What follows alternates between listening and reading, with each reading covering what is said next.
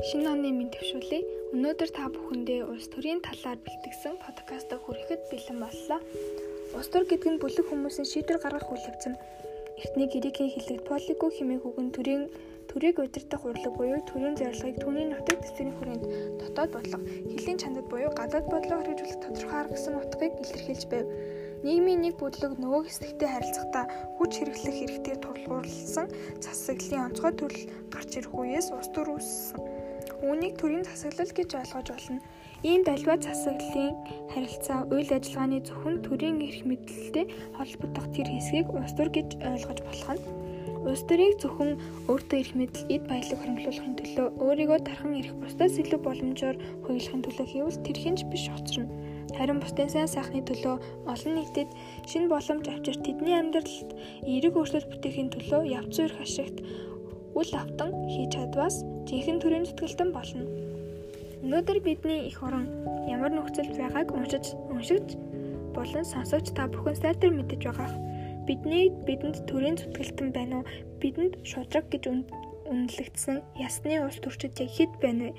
Монголын улс төрийн тавцанд улс төрийн амтнууд хэр олон байгаа бол олон нийт ард иргэдийн бухимдал шүүмжлэлийг тэднийг дэмжихээс илүүтэйгээр мэдлэг сул суур боловсрол муу чадвар тааруу амин хувиа хичээсэн таалагдах таалагдах гэж хий хоосон ярьсан шудраг бус хариуцлагагүй гэсэн тодтголуудыг хийх нь нэмэгдэж байна.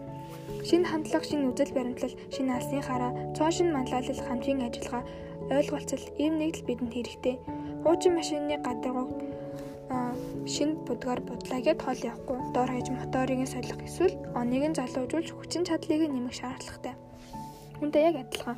Жишээ нь Монгол улс парламентын засаглалтай, улсын хурл, сайд арга гэд бүгд өөрсдийн эрх мэдэл, хувийн эрх ашигын төлөө явдаг. Яавал улам байж юу хийвэл илүү өндөр эрх мэдэл төрхөн гэх мэтэр ард иргэдийг улам хүнд байдалд оруулдаг. Үүний нэг жишээ бол сонгуул сонгуул нь санал хураалт хийх замаар улс төрийн сонголт хийхдгийг хэлнэ. Сонгох, сонгохт гэсэн хоёр үгийг илэрхийлдэг ба сонгуулийн үр дүнд улс төрийн нам бий болдог. Сонгох болон сонгогдох хэрэгтэй.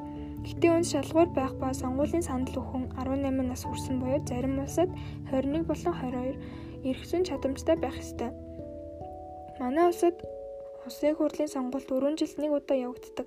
Нэр дэвшигчид өөрсдийн ажлын тайлан цаашид юу хийх хийхээ ард түмэндээ тайлгнадаг. Өглөөнөөс орой хүртэл мөрийн хөтөлбөрөөр тарааж баахан оюутнуудыг салинжуулт тэднэрээр ажилладаг. Миний бодлоор сонгуул бол зүгээр шав ард иргэдийг хитэн засаар хуурж ялж чад дахиад л илүү мөнгө идэх гэж улаардаг. Ард иргэд нь яг мөнгө хэрэгтэй болохоор эсвэл хитэн сайхан үгэнд нь итгээд энэ 76-г байгуулсан. Ард иргэдэд ч бас буруу байгаа. Одоо тэдэнд хийж гүйгүүлсэн юм байхгүй. Улс орон улам л дараадж байна. Бид уг нь ардчилсан нийгэмд амьдарч байгаач ардчлал бидний эргэн тойрон биш сэтгэл дотор л оршиж байна Ардчлал засаглал ардчлал нь засаглал гэсэн утгатай грек үгнээс гаралтай нүдэн дээр үлдэгдэж харагдаж байдаг маш олон гэмт хэрэг бид мэднэ. Гэхдээ нүднээс дал тэрнээс ч олон байгаа хаасайгүй хүний эрх зөрчигдөж ардчлал утгаалдаж байна. Их мэдлээ оруулан ашиглаж мөнгөөр сүрдүүлж маш олон хүнийг хохирож болгосоор байгаа. Хэрэгтнийг барьсан ч гин буруугүй гэж сүллэгдэг.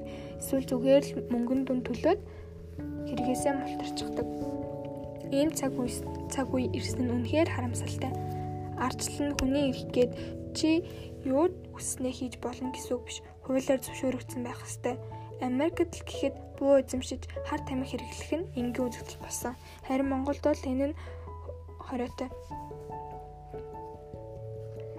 Мөн хин нэгнийг буудах нь тэр хүний амьд явах эрхийг зөрчиж байгаа л гэсэн үг. Чи бүү авах хэрэгтэй, бууны эзэмшилтэй байлаа гэд хин нэгний амьд халдаж болохгүй. Хүн амьд явах хэрэгтэй. А Линкольны хэлсэн ардчлал нь ард түмний сонгогдсон ард түмний өөрсдийнх нь засаглал юм гэх хэлбэрээр өнөөдрийн подкастаа өнгөрдөрлөе.